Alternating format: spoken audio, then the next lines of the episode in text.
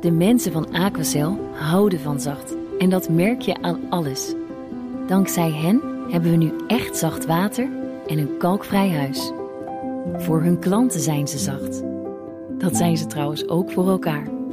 Voor ons zijn zij de kracht van zacht. Aquacel. 100% zacht water, 100% kalkvrij. Het is vijf over half zes. De Tweede Kamer debatteert op dit moment over de formatie. En aan het eind bekrachtigen ze de aanstelling van twee nieuwe informateurs. Nou ja, nieuw. Jan Remkes, oud-verkenner Wouter Koolmees, Sophie van Leeuwen. En Sophie, we kijken nu mee. We zien Geert Wilders al bij de interruptiemicrofoon staan. Ja, voortdurend, ja. Die uh, heeft het druk vandaag. Uh, zojuist begon Sophie Hermans, de nummer twee van de VVD. Mark Rutte is er niet vandaag. En die stelde voor Johan Remkes wordt namens ons de nieuwe informateur. Wilders maakte natuurlijk bezwaar, want die heeft geen zin in nog een rondje Remkes en Rutte 3. Dat de VVD uh, als informateur zou willen aandragen de, voor die volgende fase de heer Johan Remkes. Dank u wel. Ik kijk even naar de heer Wilders van de PVV. Krijgen we dan gewoon hetzelfde beleid, opnieuw? Wat zegt u tegen de mensen thuis die denken we zijn straal voor de gek gehouden. Ze zijn afgetreden vanwege de toeslagenaffaire en dezelfde partijen, vaak zelfs dezelfde mensen, meneer Rutte, meneer Kaag, alle, mevrouw Kaag, allemaal komen ze één voor één weer terug. Dat ja, kan toch niet? Dan zegt Sophie Hermans van de VVD: de kiezer heeft gekozen. Uh, we zijn toe vandaag aan die nieuwe stap. En ze belooft natuurlijk een nieuwe bestuurscultuur, meer dualisme.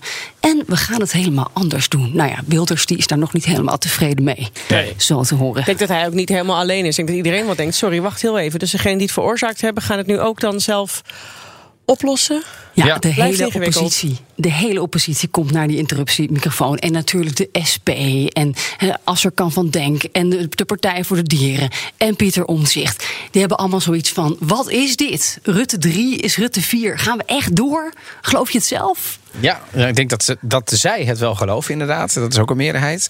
Um, en kijk, wat je natuurlijk wel zou kunnen zeggen: hè, het gaat helemaal anders. Maar ja, die poppetjes, Remkes en Koolmees, die zijn helemaal niet anders, Sophie. Nee, dat vond ik ook wel opvallend. Koolmees is al verkenner geweest. Heel kort met de Mare van Ark. Dat mislukte. Uh, Johan Remkes is al informateur. Dus uh, die gaat ook naar die borrelrel gewoon door. Uh, heel erg veel nieuw elan heb ik nog niet gezien vandaag. En Pieter Omtzigt, ja, die, die valt aan. Die zegt, wat hebben jullie nou eigenlijk anders gedaan? En ook uitgerekend vandaag weer is er nieuws over de toeslagenaffaire.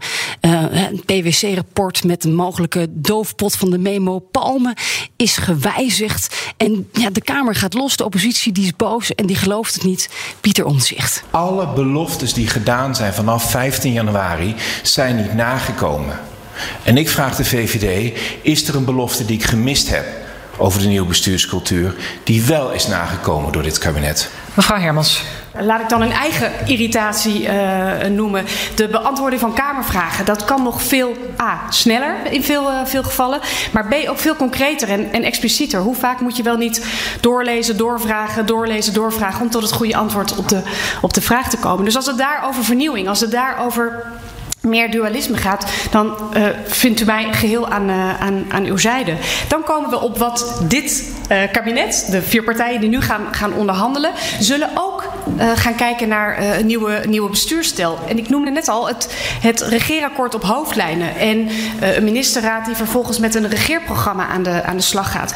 En hoe dat er precies uit gaat zien, ik weet dat ook nog niet exact. Dat wordt een, een, een ontdekking die we met elkaar moeten gaan, gaan meemaken en gaan gaan ontdekken.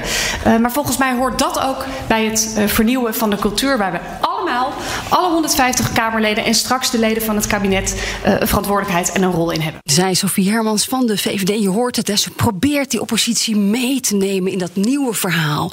Maar eigenlijk, als je naar de Tweede Kamer kijkt nu, dan is het vertrouwen nog steeds zoek. En dat verhaal van haar, dat, ja, dat landt een beetje zo dood in die zaal. En niemand gelooft het eigenlijk heel erg dat we nu iets nieuws gaan krijgen. Nee, feit blijft natuurlijk dat als deze vier coalitiepartijen dit straks willen. en ze gaan er zelf achter staan. en deze twee nieuwe informateurs worden het. dan gaat het toch gewoon gebeuren, Sophie? Natuurlijk, er is een kleine meerderheid. Hè? Dus uh, plus 2, 75 plus 2 is 77 zetels. VVD, D66, CDA en de ChristenUnie. En als je de ChristenUnie ook in de wandelgangen hoort van... nou, gaan jullie dan nog spannend maken vandaag? Morgen ook algemene financiële beschouwingen. Kunnen we nog, voor, ja, zoals met Afghanistan, hè, nog voor verrassingen komen te staan? Dan hoor je eigenlijk achter de schermen... nou jongens, we gaan nu praten, onderhandelen en de luikjes gaan dicht.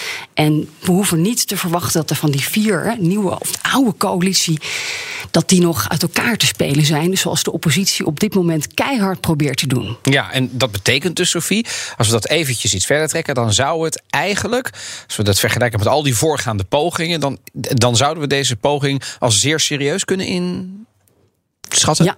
Ja, zeer, ja zeker zeer, zeer serieus. Ook als je kijkt dat Wouter Koolmees hier nu bij wordt gehaald. Hè, dat is natuurlijk de minister van Sociale Zaken, demissionair.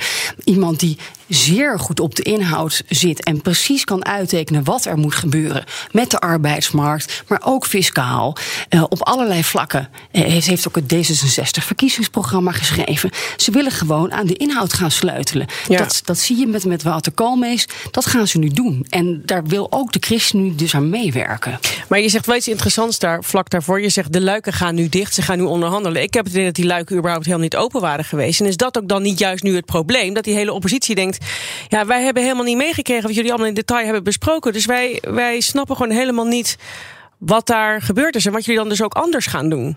Nou, er komen natuurlijk. Uh, de, de, de, onderhandelingen gaan pas zeg maar later. Dus deze week, dit weekend plaatsvinden. Dus de echte onderhandelingen zijn nog niet geweest. En, uh, maar de afgelopen weken zag je natuurlijk wel dat de ChristenUnie in een soort van oppositierol hè, zat. En opeens ministers wegstemden over Afghanistan. Ja. Vorig jaar was er 2 miljard extra. Hè, opeens ging mm -hmm. de VPB, de winstbelasting omhoog. Dat soort grapjes of ja. verrassingen hoeven we nu niet meer te verwachten. Was eerder wat meer ruimte die lijkt nu helemaal weg te zijn. Verder heb jij vandaag Wopke Hoekstra gesproken. Nadat hij eerder vandaag al zijn bezittingen op straat legde. Vond ik nogal een gênant lijstje van de, van de beste man. Daar zat ook zijn ja, koophuis tussen. Hè? Ja, ja, zijn koophuis in Bussum. En ze, ze schijnen ook een huisje in Drenthe te hebben bij de familie Hoekstra. Maar daar heeft hij maar één negende deel van. Dus ja, zo rijk als ze dacht, dacht dat hij was in de oppositie, is hij dan misschien ook weer niet. Uh, ook nog een nieuwtje uit, uh, dat stond niet in de Pandora Papers natuurlijk, dat hij een uh, pensioenbelang had op currency via zijn oud werkgever McKinsey. Eén zijn de aandelen in Asilia. Twee is een koophuis in Bussum. Drie zijn aandelen in McKinsey. Vier, een belegging via het McKinsey Investment Office. Vijf, één negende eigendom van via vererving verkregen onroerend goed. En wat Hoekstra staat te doen in de Tweede Kamer, dit was eerder vanmiddag, is nou, proberen te laten zien: ik ben transparant. Ik heb alles aangegeven toen ik minister werd in 2017 bij de landsadvocaat. En ja, ik heb niks voor jullie achtergehouden, dus dit is het. Nee, overigens, gisteren spraken we jou natuurlijk ook in Den Haag, Sofie. Toen was het uh, ijzig. Uh, qua sfeer op de CDA-fractie. Zijn ze een beetje van de schrik bekomen daar als je ze ziet rondlopen?